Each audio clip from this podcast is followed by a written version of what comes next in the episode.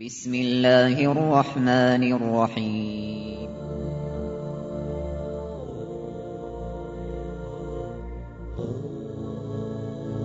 الرحمن العزيز الرحيم القوي السلام الكريم العظيم البصير العليم الحكيم الجبار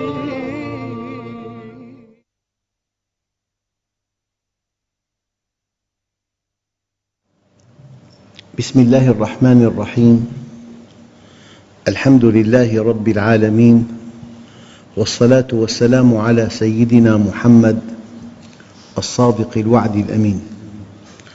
اللهم أخرجنا من ظلمات الجهل والوهم إلى أنوار المعرفة والعلم ومن وحول الشهوات إلى جنات القربات.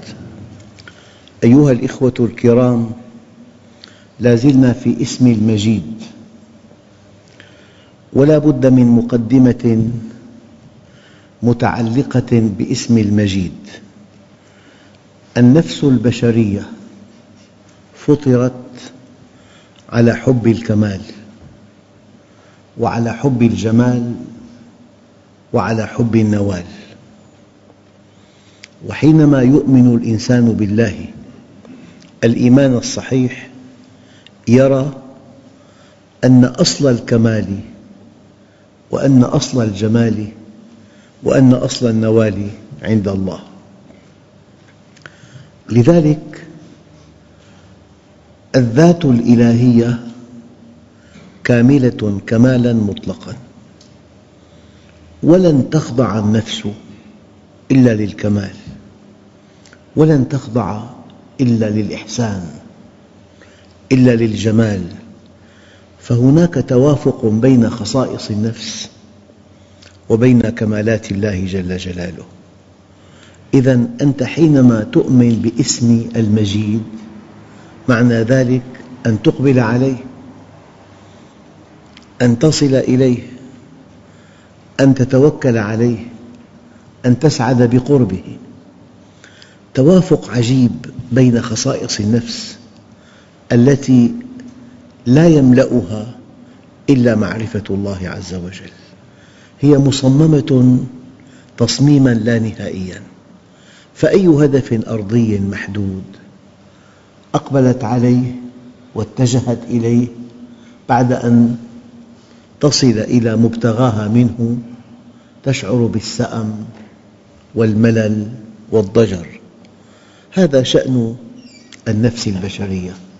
فلذلك بناء على هذه الخصيصة في النفس لا يمكن للدنيا أن تمد الإنسان بسعادة متنامية ولا مستمرة بل متناقصة.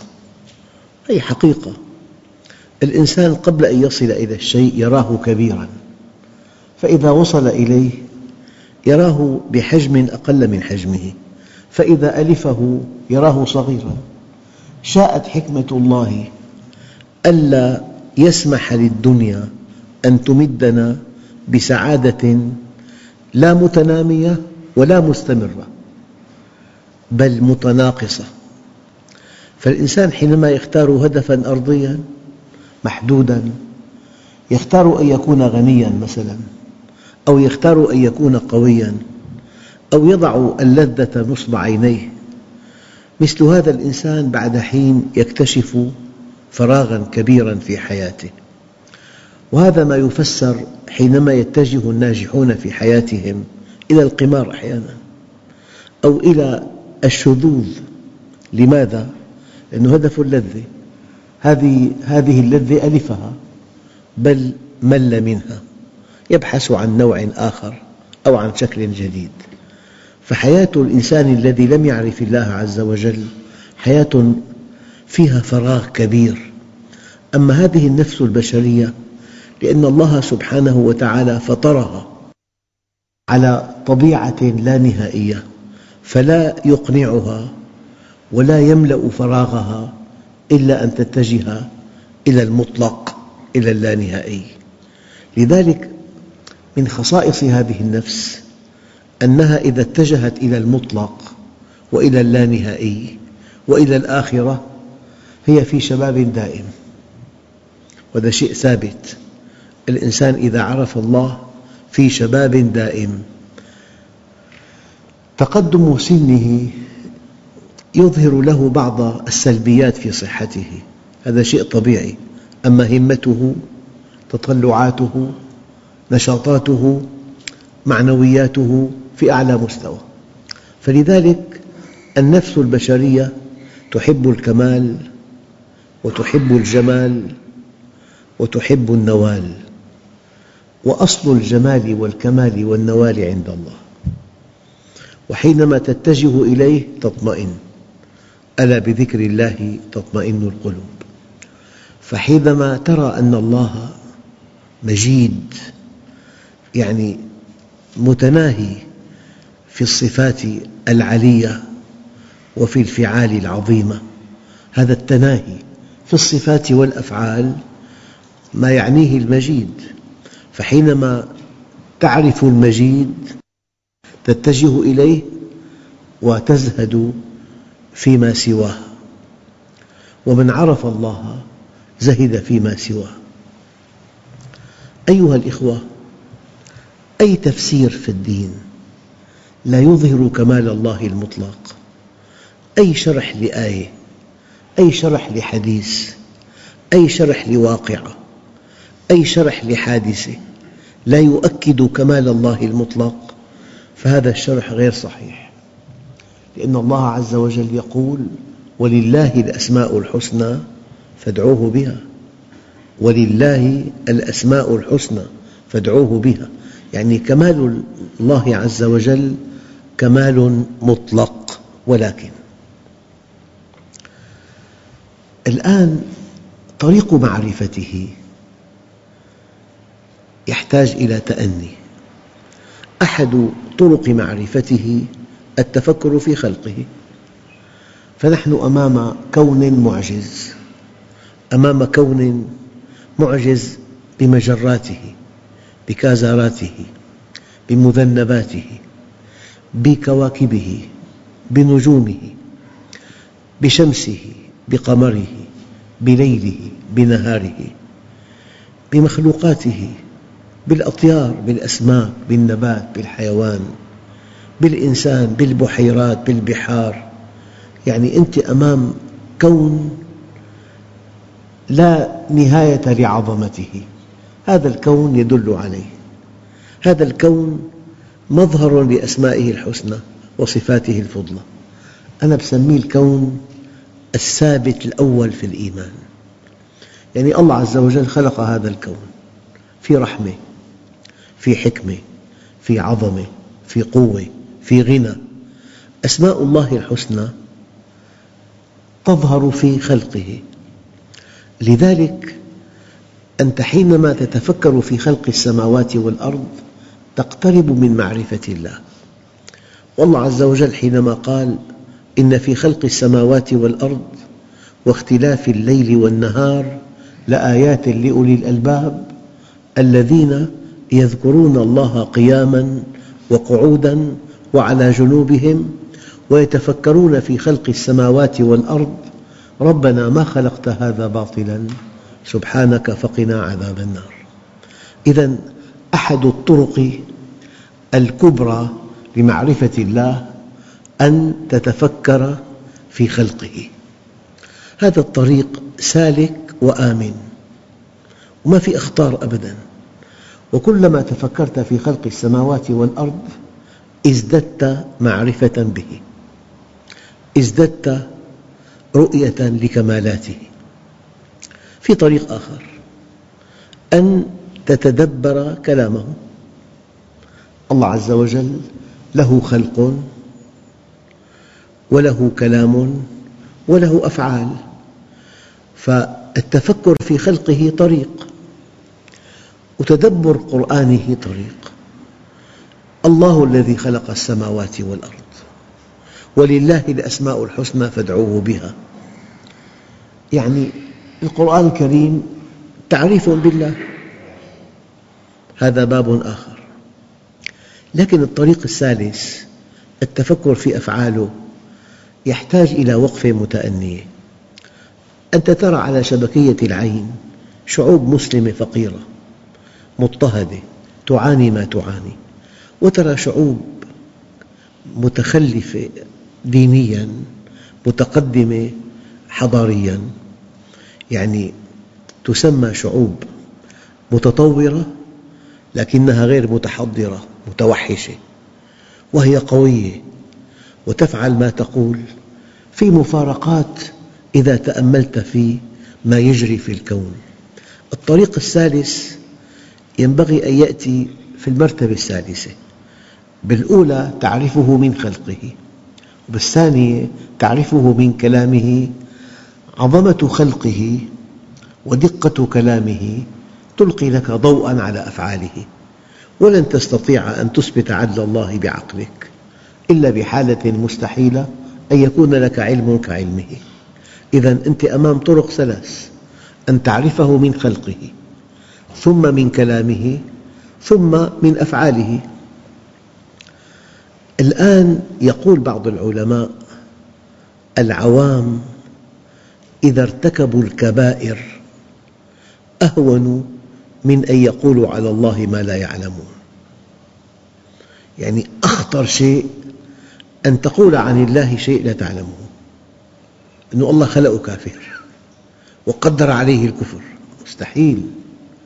وألف ألف مستحيل. واحد شرب الخمر وجيء به إلى سيدنا عمر فقال أقيموا عليه الحد.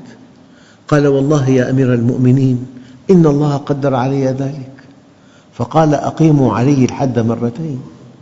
مرة لأنه شرب الخمر ومرة لأنه افترى على الله.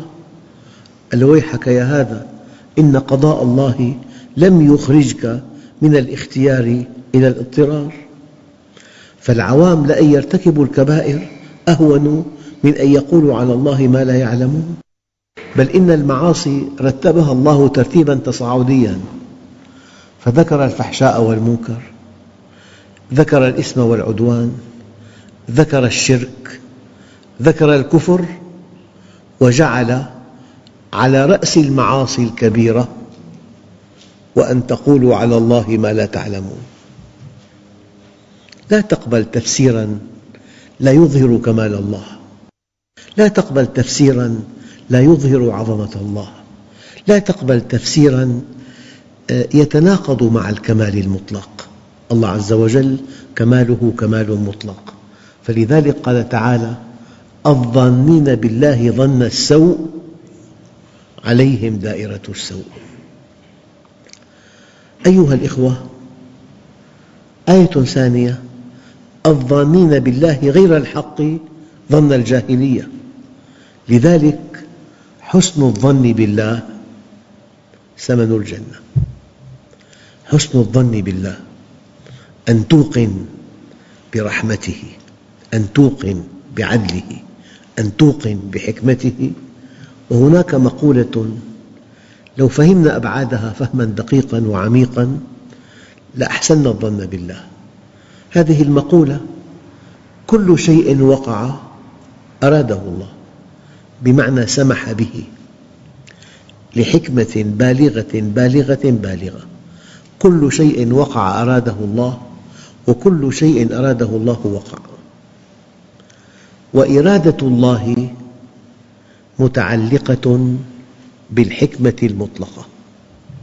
معنى الحكمة المطلقة أن الذي وقع لو لم يقع لكان الله ملوما. أن الذي وقع لو لم يقع لكان نقصا في حكمة الله. يؤكد هذا المعنى قوله تعالى ولولا أن تصيبهم مصيبة بما قدمت أيديهم. لولا أن تصيبهم مصيبة بما قدمت أيديهم.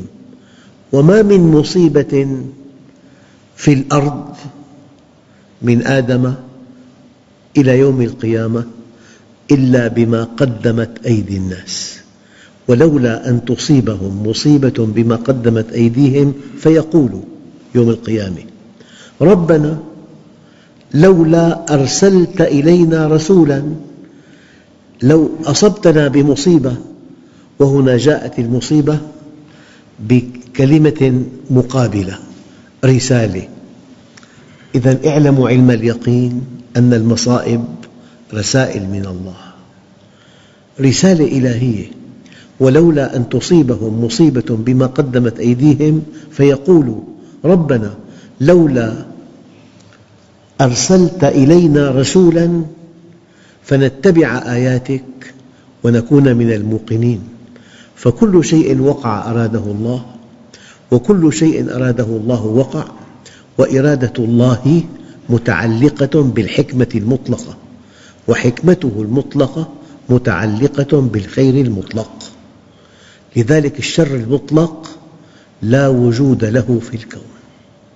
الشر المطلق يتناقض مع وجود الله. لكن هناك شر نسبي بالنسبة للإنسان. شر نسبي موظف للخير المطلق وهذا من حسن الظن بالله عز وجل. أسماء الله الحسنى هي الأسماء التي تخضع لها النفس. لذلك أصل الدين معرفته. كنت أقول لكم دائماً أن التفكر أحد أقصر أقصر المسافات إلى الله أو أحد أقصر الطرق إلى الله. والتفكر أحد أوسع الأبواب التي ندخل منها على الله. يعني مثل بسيط وسريع.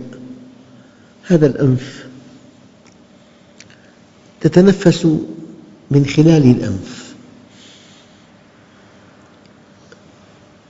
ما الذي يحصل في هذا الأنف؟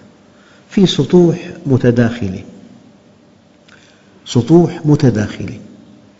هذه السطوح مزودة بأوعية دموية لها عضلات. هذه العضلات توسعها.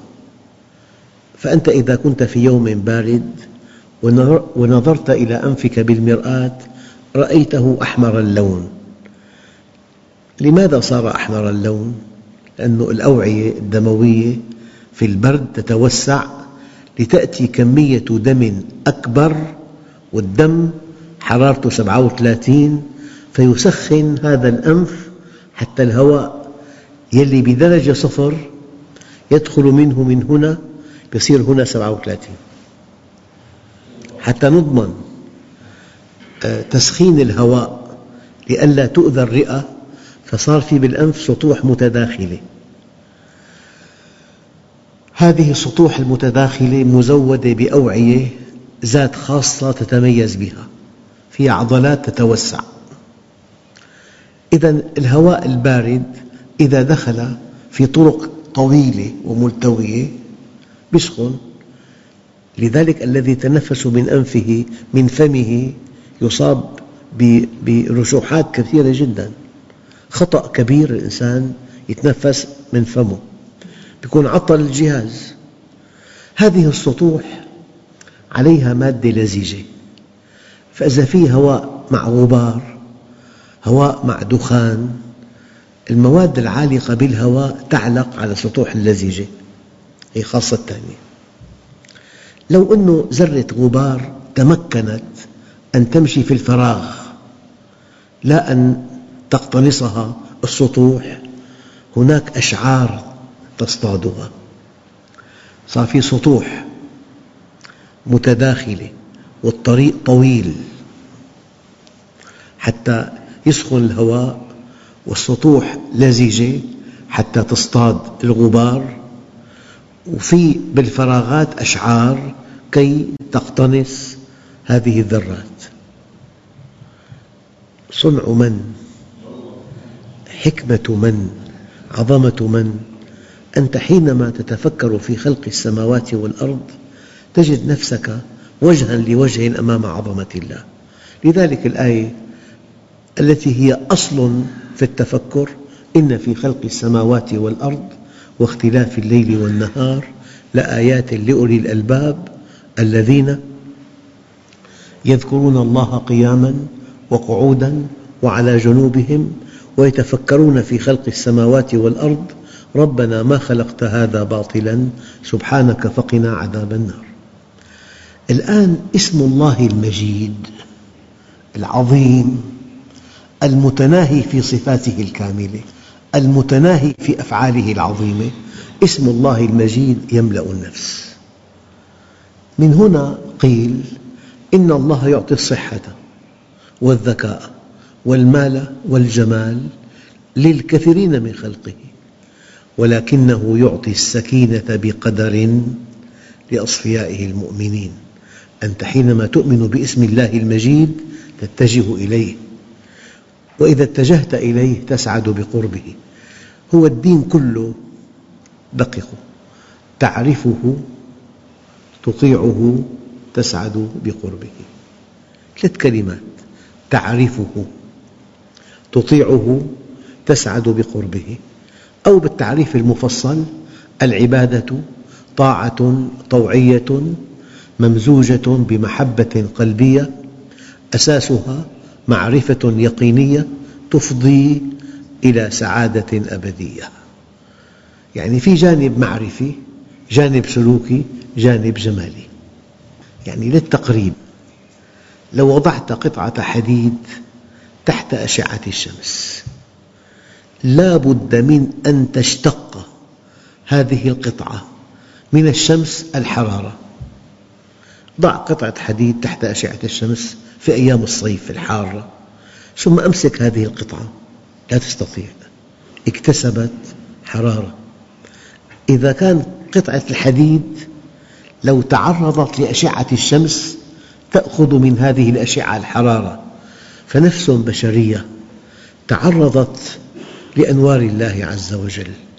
يا أيها الذين آمنوا إن تتقوا الله يجعل لكم فرقانا. في بقلبك نور ترى به الخير خيرا والشر شرا. يا أيها الذين آمنوا اتقوا الله وآمنوا برسوله. يؤتكم كفلين من رحمته. ويجعل لكم نورا تمشون به. أنت قد لا تعرف أبعاد الاتصال بالله. تتصل بالحكيم تشتق منه الحكمة. ومن يؤت الحكمة فقد أوتي خيرا كثيرا. تتصل بالرحيم تشتق به منه الرحمة. فأنت رحيم وويل للقاسية قلوبهم من ذكر الله. تتصل بالقوي تقوى بقوته. يعني تتصل بالعليم يلقي الله في قلبك النور. إذا الاتصال بالله شيء ثمين جدا. لكن السبب أن تعرفه. أيها الإخوة أنت بعد أن تتصل بالحكيم بالرحيم بالعظيم بالمجيد ما الذي يحدث؟ تشتق منه الكمال. لذلك يقول عليه الصلاة والسلام إن الله يحب معالي الأمور ويكره سفسافها ودنيها أخواننا الكرام المؤمن يعيش بأفق عالي وهو بالأفق الأعلى. همومه مقدسة رغباته مقدسة تطلعاته مقدسة. يحمل هم الأمة يسعى لنشر الهدى يسعى لحل مشكلات الناس. عايش بآفاق عليا وفي أناس عايشين بالوحل بالغيبة والنميمة والكيد والافتراء. والعدوان والزنا وشرب الخمر وأكل المال الحرام فالمؤمن يعيش بالأفق الأعلى. بينما غير المؤمن يعيش في وحول الشهوات والدعاء الذي أبدأ به كل درس.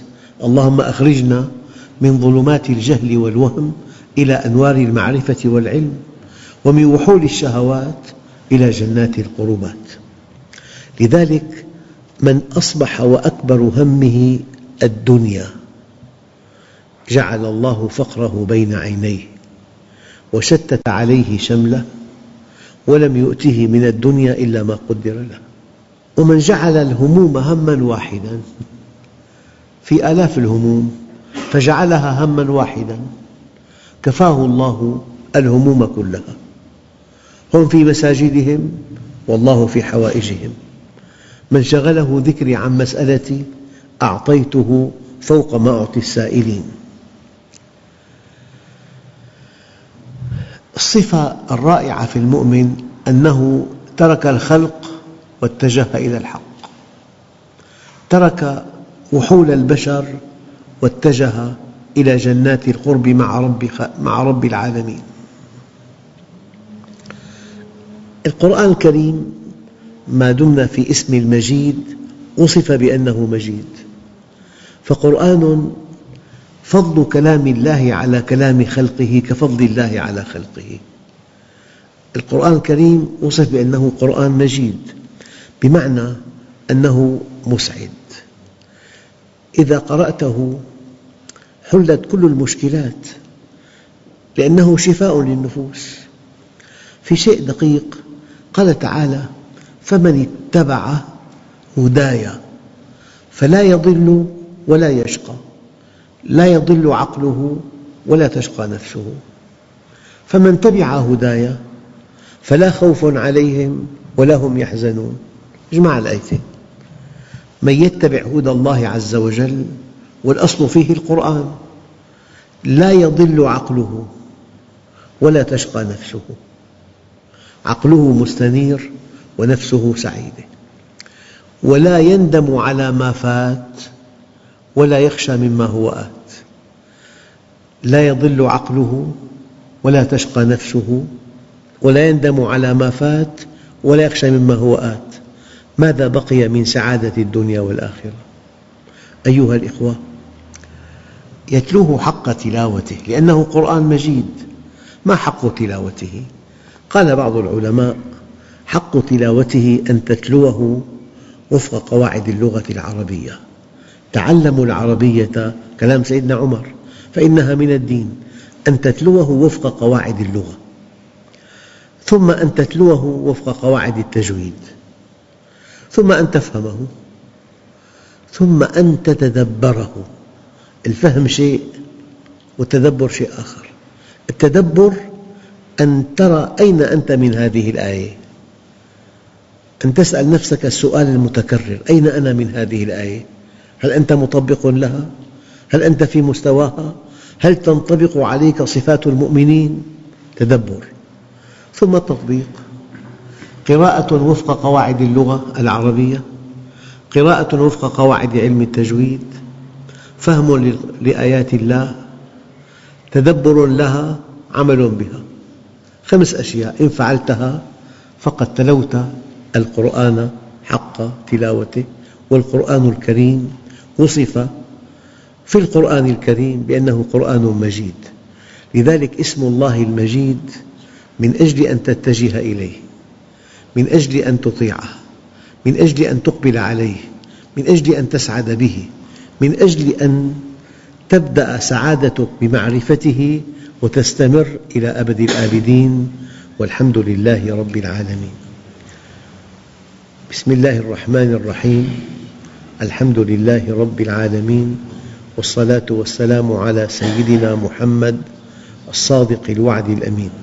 اللهم أعطنا ولا تحرمنا أكرمنا ولا تهنا آثرنا ولا تؤثر علينا أرضنا وارض عنا. وصلى الله على سيدنا محمد النبي الأمي وعلى آله وصحبه وسلم والحمد لله رب العالمين الفاتحة